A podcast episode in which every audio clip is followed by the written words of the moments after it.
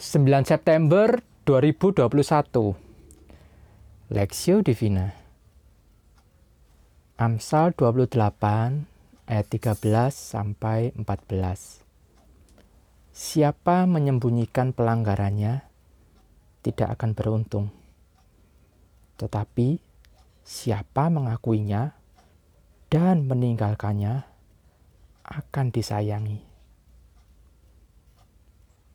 Berbahagialah orang yang senantiasa takut akan Tuhan. Tetapi orang yang mengeraskan hatinya akan jatuh ke dalam malapetaka. Hikmat dari Amsal mengakui pelanggaran perspektif. Siapa menyembunyikan pelanggarannya tidak akan beruntung Berbahagialah orang yang senantiasa takut akan Tuhan. Tetapi orang yang mengeraskan hatinya akan jatuh ke dalam malapetaka. Amsal 28 ayat 13 sampai 14. Pengakuan dosa adalah praktek spiritual yang dilakukan secara rutin oleh bapak-bapak gereja sejak awal kekristenan berkembang. Praktek ini dinilai penting dan memulihkan kehidupan manusia yang masih bergumul dalam jatuh bangun mengikuti Tuhan.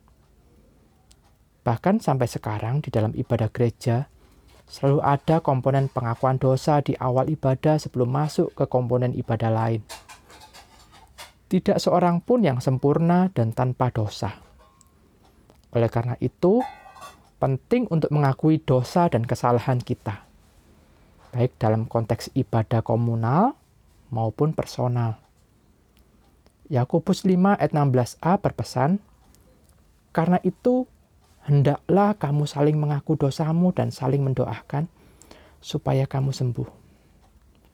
Demikianlah kita perlu datang membereskan dosa kita di hadapan Tuhan dan sesama. Amsal 28 ayat 13 juga berkata, Siapa menyembunyikan pelanggarannya, tidak akan beruntung.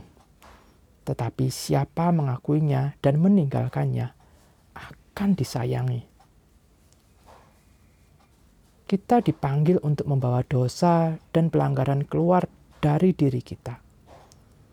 Ketika kita mengakuinya, maka kita menerima kasih dan penerimaan dari orang lain. Seringkali kita enggan untuk mengakui dosa kita karena kita tidak ingin mendapat malu dan dihakimi orang lain. Tetapi ketika kita mencobanya, maka kita mungkin akan terkejut lihat betapa orang lain mendukung dan mengasihi kita.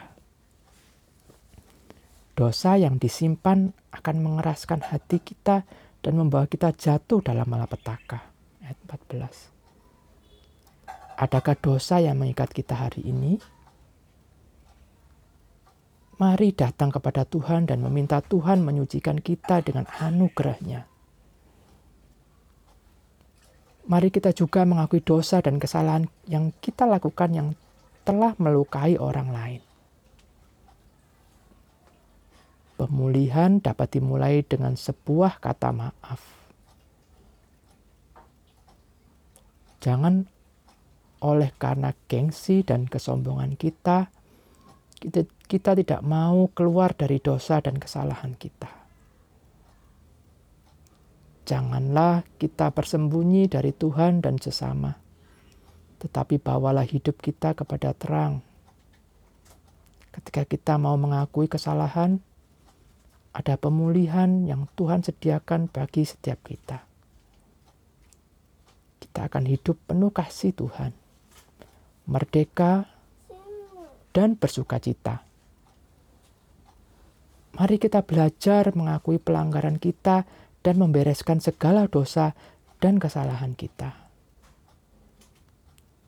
Studi pribadi, adakah dosa yang membelenggu kita?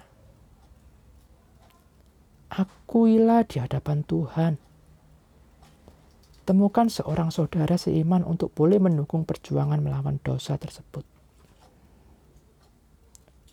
Pokok doa, doakanlah setiap orang yang terbelenggu dalam berbagai dosa agar Tuhan boleh menolong mereka dilepaskan dari belenggu dosa itu dan mulai hidup bagi Tuhan.